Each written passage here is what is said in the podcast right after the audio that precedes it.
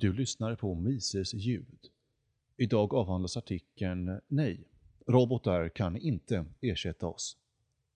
Författare Per Bylund. Svensk översättning av Jon Nylander. Artikeln publicerades på mises.se 22 september 2018. Inläsare Magnus hälsar dig välkommen. Automatisering verkar vara en aldrig sinande källa ur vilken vi kan ösa skräckscenarion. Om man ska döma av den allmänna diskussionen kommer robotar obevekligen att ersätta oss och orsaka omfattande arbetslöshet.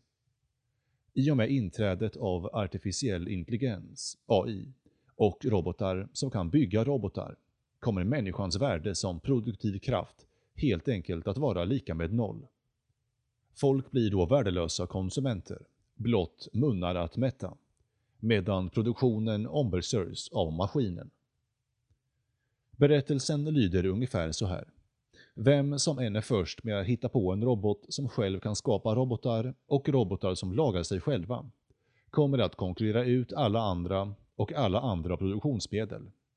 Det öde som vårt innovativa släkte står inför är att bli fullständigt beroende av den där enda kapitalägaren som genom att kontrollera all produktion kommer att kontrollera oss alla.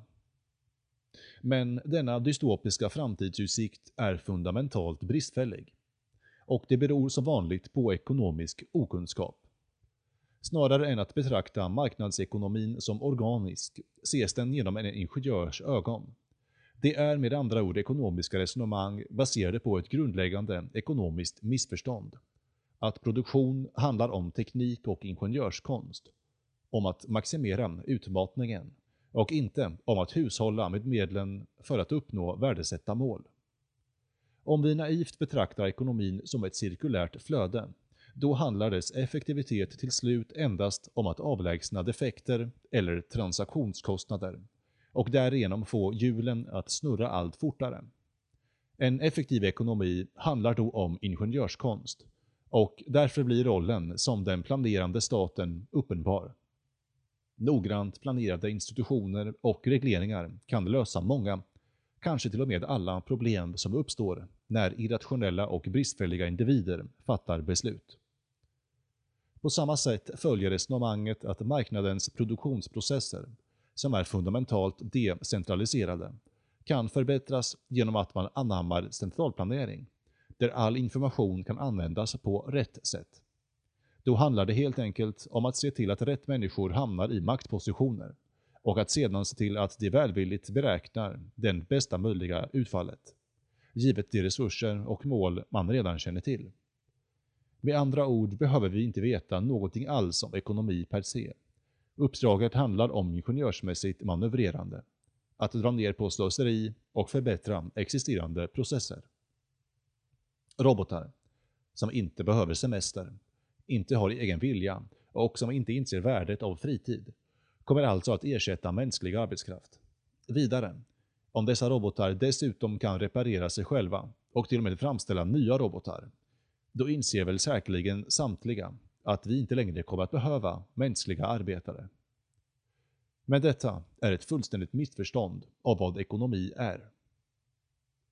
Problemet är inte produktion. Det är hushållning. Det som angavs ovan är en observation av ekonomin, främst i form av varuproduktion. Det är empiriskt sant att i vår vardagliga upplevelse av att arbeta i välfärden så håller vi faktiskt på med att försöka producera rätt saker på rätt sätt.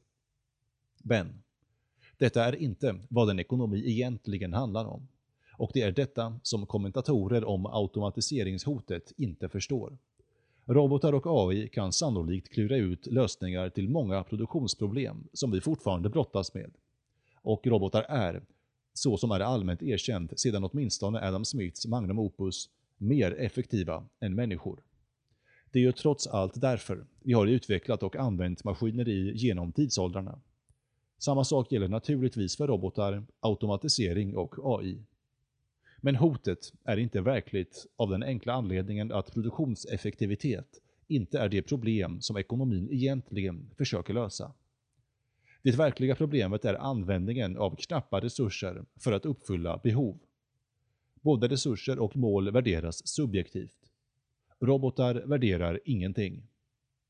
Så när robotar blir allt mer effektiva arbetare, och kanske till och med bättre ingenjörer än människor, så kan det ändå inte räkna ut vad som skall värdesättas. Det är det entreprenörer gör. De försöker komma på vad konsumenter vill ha. Även om all produktion tas över av robotar, så kan robotarna ändå inte klura ut vad de borde hålla på med. Det är sannolikt att robotar och AI kan komma på hur man bäst framställer kalorier, syre eller andra objektiva förnödenheter som upprätthåller mänskligt liv. Men steget från 2000 kalorier per dag till mat som folk faktiskt vill äta handlar inte om att finjustera en algoritm.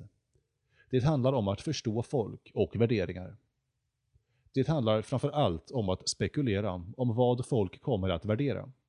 Det är helt enkelt omöjligt för icke-mänskliga entiteter och det krävs en mängd fantasifulla mänskliga entreprenörer, en intellektuell arbetsdelning, i marknaden för att kollektivt komma på hur man ska skapa värde. Ekonomin handlar om hushållningen av knappa resurser och hushållningen av knappa resurser handlar inte om fysiska resurser eller produktionsmedel. Verktyg och material är visserligen nödvändiga för produktion, men deras användning i ekonomin kan endast uttryckas via mänskliga värderingar och dessa resurser måste hushållas med på detta sätt. Denna grundläggande poäng om ekonomi hoppas regelmässigt över i diskussioner om automatisering och AI. Ekonomin handlar om värde. En stor fördel med österrikisk ekonomi över mainstream-varianten är dess prioritering av värde. Att ekonomin måste förstås och förklaras i termer av värde. Mainstream-ekonomin har i sina försök att förutsäga och förklara produktion i ingenjörsmässiga termer tyvärr glömt bort värde. Som ett resultat av detta handlar debatten om automatisering, robotar och AI om detta. Produktion. Men det är betydelselöst i någon form av verklig eller teoretiserad ekonomi, som enbart handlar om att använda knappa resurser för att mätta omättliga behov.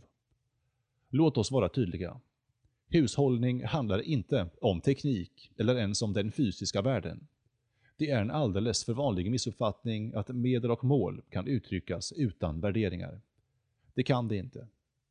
De resurser som vi måste hushålla med är inte bara naturresurser, utan främst ekonomiska resurser. Ta olja som exempel. Det är en naturresurs som har blivit en ekonomisk resurs. Innan bensin och förbränningsmotorn uppfanns innebar en oljefyndighet på din mark finansiell katastrof. Nu däremot, efter att dessa uppfinningar har blivit kända och använda, innebär olja rikedom. Naturresursen är densamma. Men den ekonomiska resursen, dess värde, föddes i och med uppfinningarna. Olja blev användbart för motorer, eftersom motorerna uppfyllde människors behov. Värdet i oljan är inte dess molekylära struktur, det är hur den används för att uppfylla behov. Att missta ekonomin för ett ingenjörsmässigt problem, som en slags naturvetenskaplig utmaning, är ett fundamentalt felslut. Det är inte egentligen fysiska ting som byter händer på marknaden, utan det är tjänster som de fysiska varorna utför åt oss när vi försöker tillfredsställa våra behov och nå våra mål. Med andra ord, en vara förser oss med ett användningsvärde. Och värde hittar man enbart i betraktarens öga. Värdet på samtliga resurser och medel måste härledas ur deras bidrag till ekonomiska varor som värderas av människor. Än så länge har debatten om automatisering fullständigt hoppat över värderingsdimensionen. Detta gör problemet enklare att lösa. Det handlar enbart om skapandet av maskiner eller beräkningsalgoritmer. Men lösningen misstar helt frågans kärna. Ekonomin, inklusive dess fysiska produktionskapacitet, är inriktad på att tillfredsställa mänskliga behov, förverkligade genom människor som agerar som konsumenter. Det är en sak att robotar kanske kan frälsa oss från krånglet med att behöva arbeta. Det är en sak. Det skulle i så fall innebära att vi får mer fritid, vilket omöjligen kan vara dåligt. Men robotar kan inte ersätta oss som värderare och konsumenter. Inga automatiserade processer kan fundera ut vad vi vill ha. De kan enbart utföra arbetet efter det att våra mål är upptäckta. En befrielse från denna börda kan inte på något sätt betraktas som ett hot.